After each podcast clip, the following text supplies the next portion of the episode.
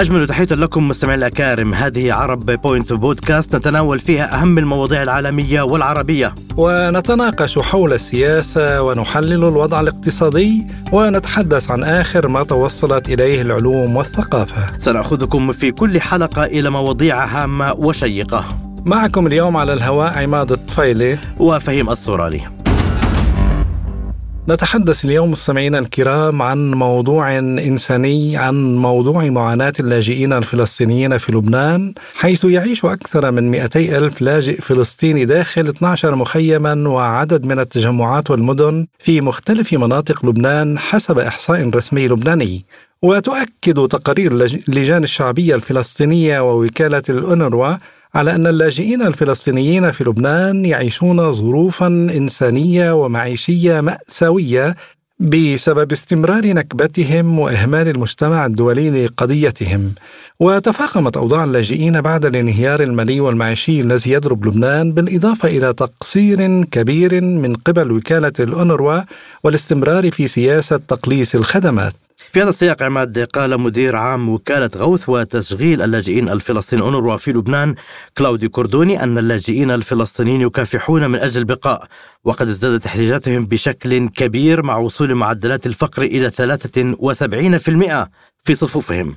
من جهتها قالت المتحدثة باسم وكالة أونروا في لبنان هدى السمرة خلال مقابلة صحفية يوم الأحد الماضي إنه وفق الإحصائيات الأخيرة التي أجرتها الوكالة هناك 5500 منزل في مختلف المخيمات اللبنانية بحاجة إلى ترميم. مستمعينا لعلهم يعلمون أنه قد مر ربع قرن على إصدار السلطات اللبنانية قرارا تمنع بموجبه إدخال مواد البناء والترميم إلى مخيمات اللاجئين الفلسطينيين في لبنان من دون ترخيص، الأمر الذي أدى إلى تزايد معاناة اللاجئين الفلسطينيين في جميع المخيمات في لبنان، إضافة إلى ازدياد خطر انهيار الأبنية التي يقومون فيها لا سيما في فصل الشتاء نتيجة تسرب مياه الأمطار من الجدران والأسقف.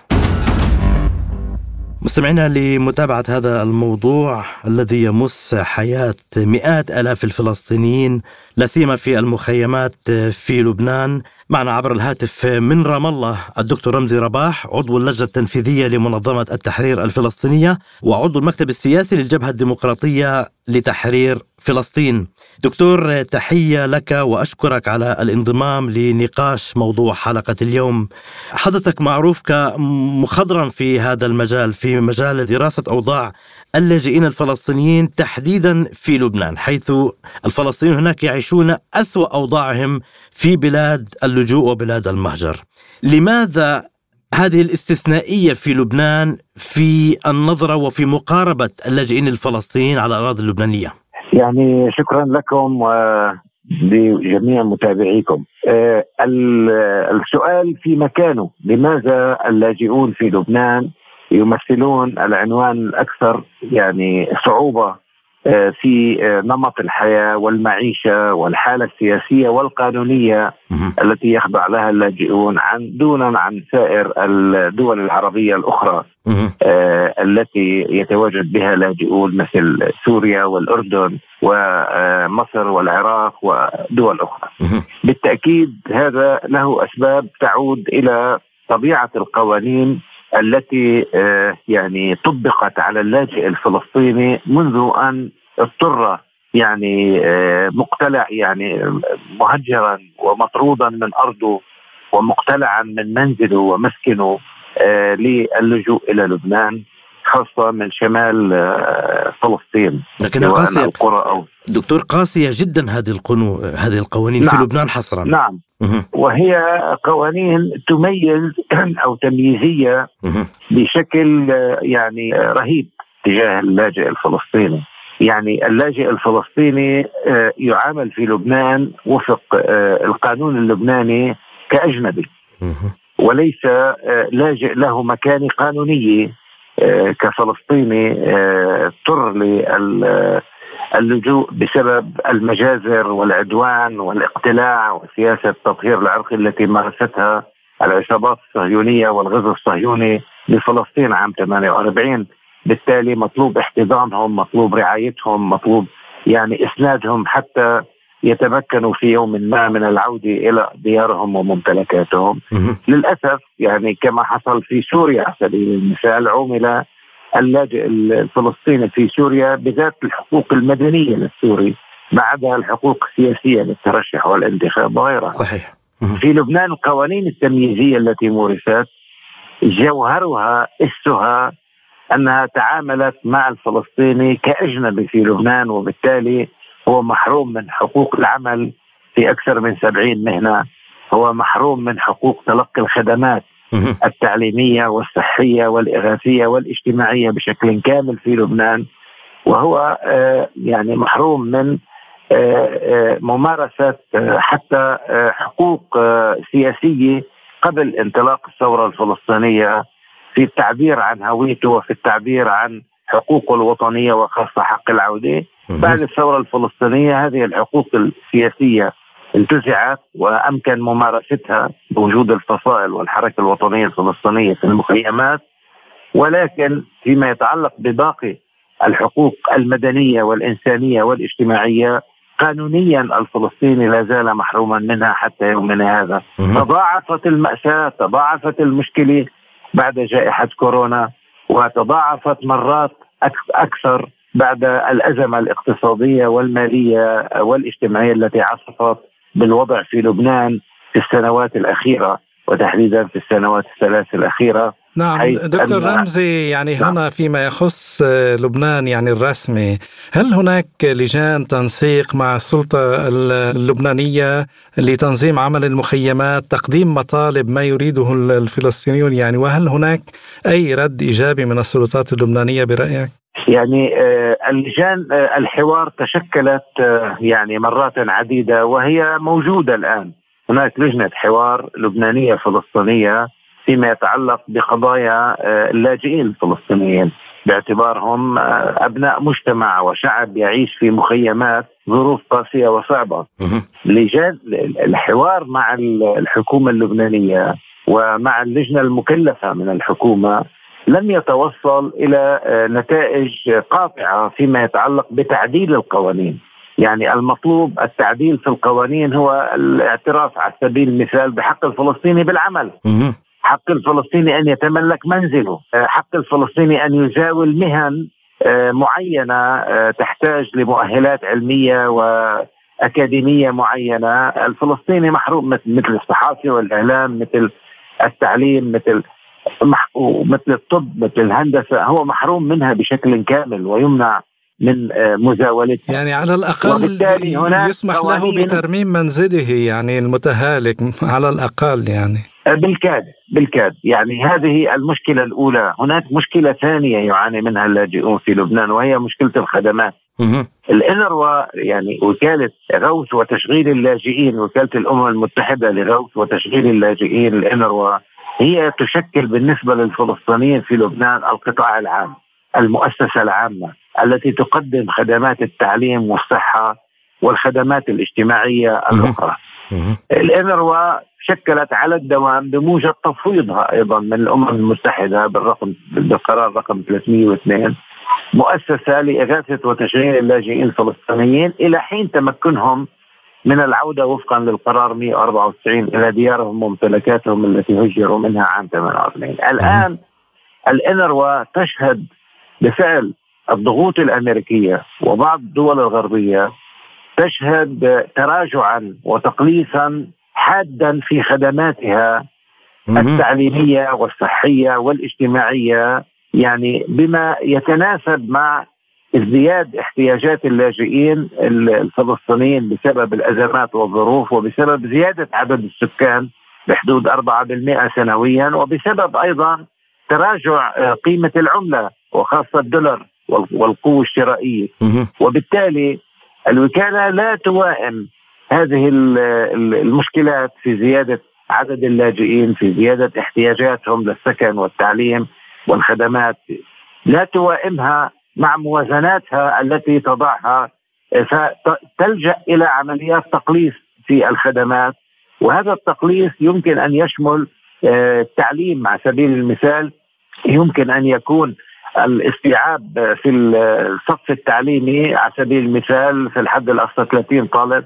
الآن يصل العدد ل 50 طالب و60 طالب.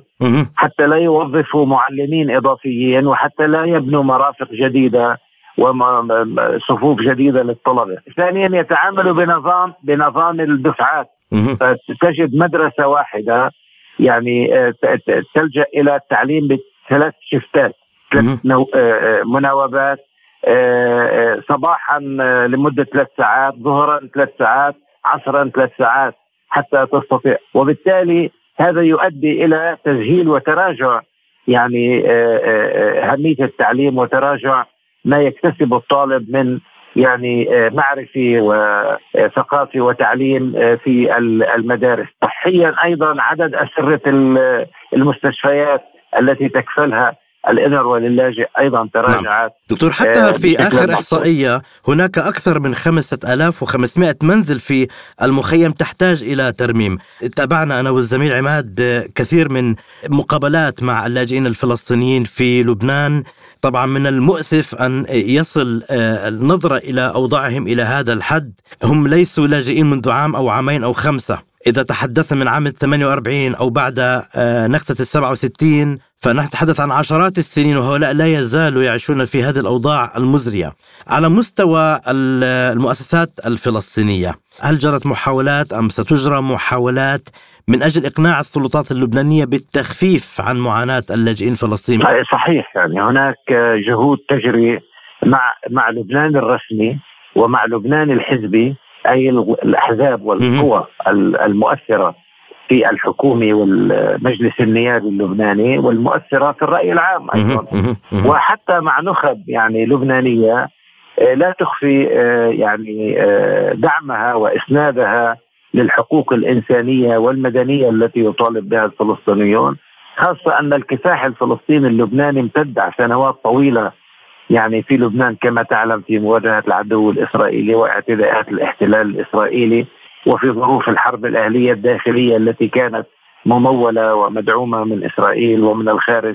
نحن نعتقد آه، هناك جهات وأوساط لبنانية عديدة آه، تعلم أو تعرف أهمية آه، يعني وتناصر أهمية يعني إعطاء الفلسطينيين يعني حقوق إنسانية وحقوق مدنية تمكنهم من توفير لقمة الخبز والعيش وتوفر والحياة الكريمة للأسر والأبناء يعني. آه، خاصة أن الفلسطينيون في لبنان يتمسكوا بحق العودة ويرفضوا كل مشاريع التهجير والتوطين. رغم أن ما مورس وما قاسى الفلسطينيون في لبنان بما في ذلك من اعتداءات يعني إسرائيلية وظروف الحرب الأهلية التي دمرت أجزاء من المخيمات لكن مع ذلك الفلسطينيون في لبنان ثابتون على يعني حقوقهم الوطنية والسياسية. نعتقد هذه المحصلة لم تعطي لم تعطي نتائج آه، حتى الآن آه، كبيرة وواسعة. آه، ولكن هذا هذه المحاولات سوف تبقى مستمرة. والنضال الفلسطيني الشعبي والوطني مدعوما بقوى لبنانية صديقة وداعمة ومؤازرة للحقوق الفلسطينية والإنسانية. المطروحة لا زالت تبدي آه، دعمها. ومؤخرا وزير العمل اللبناني الذي يعني آه، قدم موقفا انسانيا يثمن ويقدر له في آه، عندما دعا إلى تعديل القوانين بما يمكن الفلسطيني من العمل في عدد من المهن التي لا تؤثر على العمالة اللبنانية. وطالب أن يساوى الفلسطيني بالمهجر السوري الموجود على الأراضي اللبنانية. لأن القانون اللبناني يقول على سبيل المثال التعامل بالمثل. السوري عندما المهجر عندما يأتي لبنان يمكن أن يزاول العمل مباشرة بينما الفلسطيني ممنوع أن يزاول العمل وتحت مبدأ آه، عنوان تنظيم عمل الأجانب وفقا لمبدأ التعامل بالمثل. للفلسطينيين ليس هناك دولة ذات سيادة ليتعاملوا بالمثل مع إخوتهم اللبنانيين في قضايا العمالة. الفلسطينيين لهم ظروفهم السياسية والقانونية الخاصة جدا كلاجئين. وبالتالي دعا لتجاوز هذا العائق والإتاحة المجال بما يتناسب مع آه، ظروف لبنان وبما لا يؤثر على العمالة اللبنانية. ومع ذلك قامت في مواجهته يعني مواقف كثيرة حتى تهجمت وشهرت بموقفه من أطراف انعزالية وأطراف يعني طائفية لبنانية.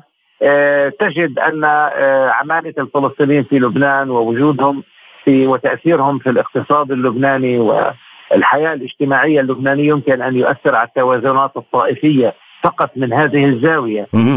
لذلك هذه المساعي ستبقى رغم أن الظروف معقدة ستبقى من أجل إنصاف اللبنانيين. وبالتالي العمل يسير على خطين إنصاف الفلسطينيين في موضوع العمالة والتملك بشكل رئيسي ومن جهة أخرى تحسين عمل الوكالة وإدائها من خلال تمويل البرامج آه، المطلوبة لمكافحة ظاهرة الفقر الواسع التي آه، يعني تتأثر بها اللاجئين في المخيمات وارتفاع معدلات البطالة.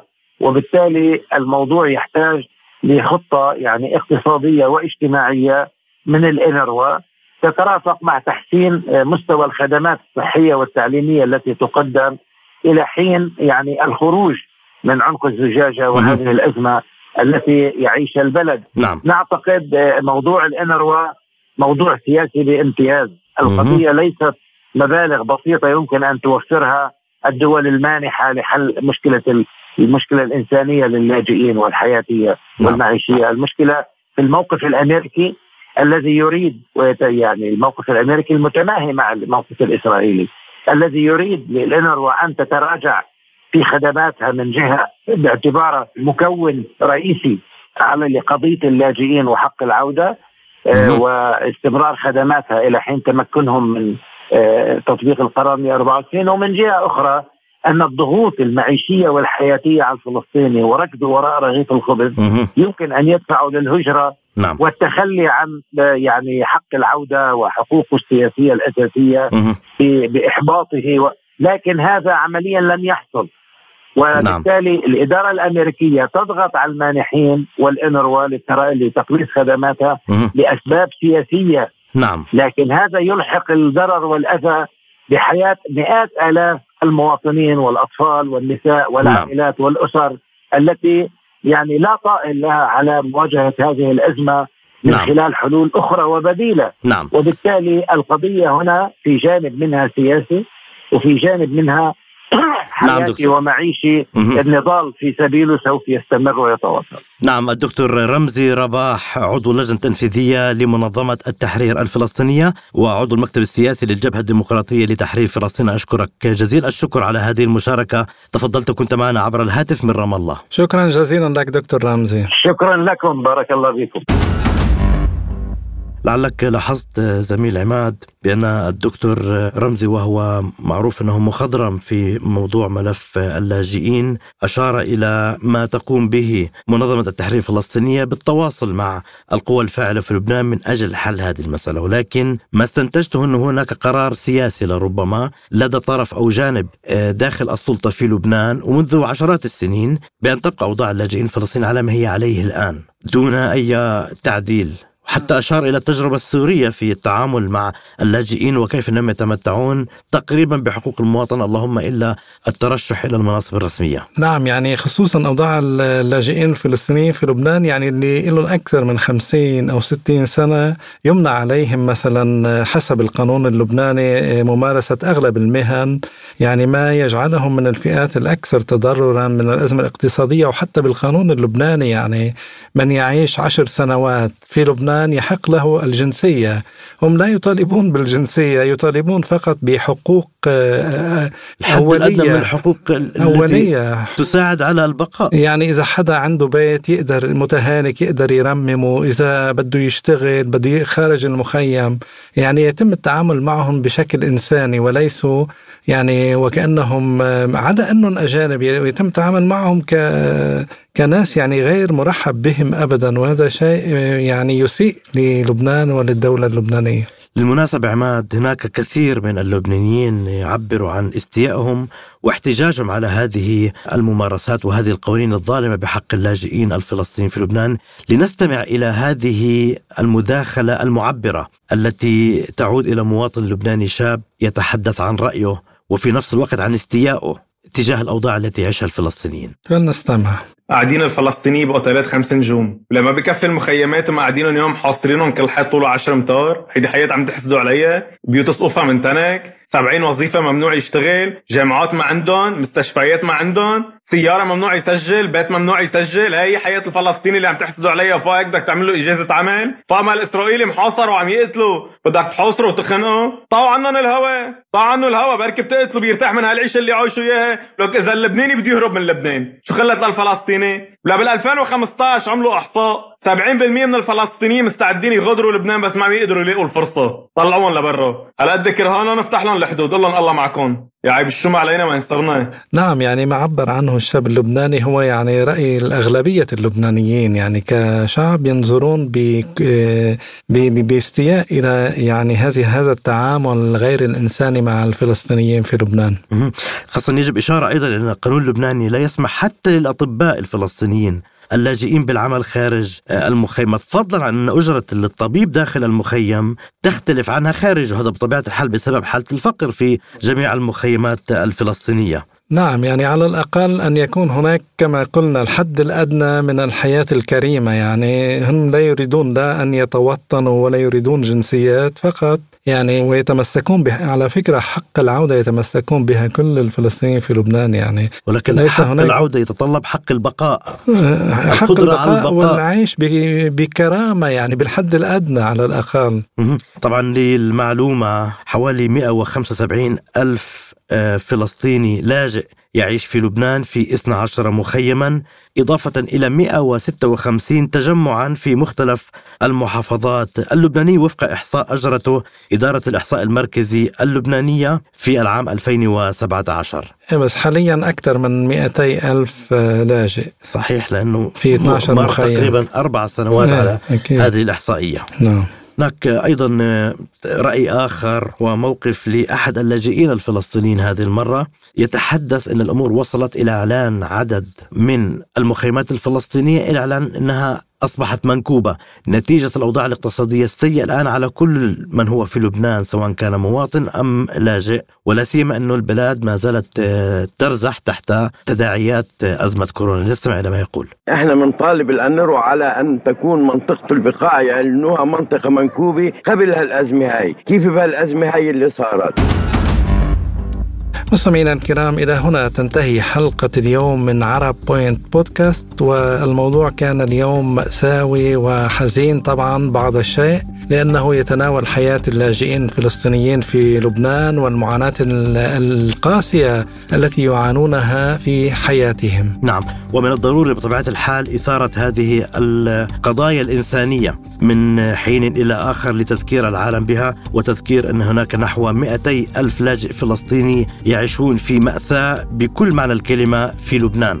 ولم يتبقى لنا إلا أن نشكر مستمعينا الأكارم على حسن الإصغاء وإلى اللقاء في حلقة قادمة. إلى اللقاء وننتظر منكم التعليقات واللايكات ونحن آه، بانتظار تعليقاتكم وتأييدكم لنا، شكرا.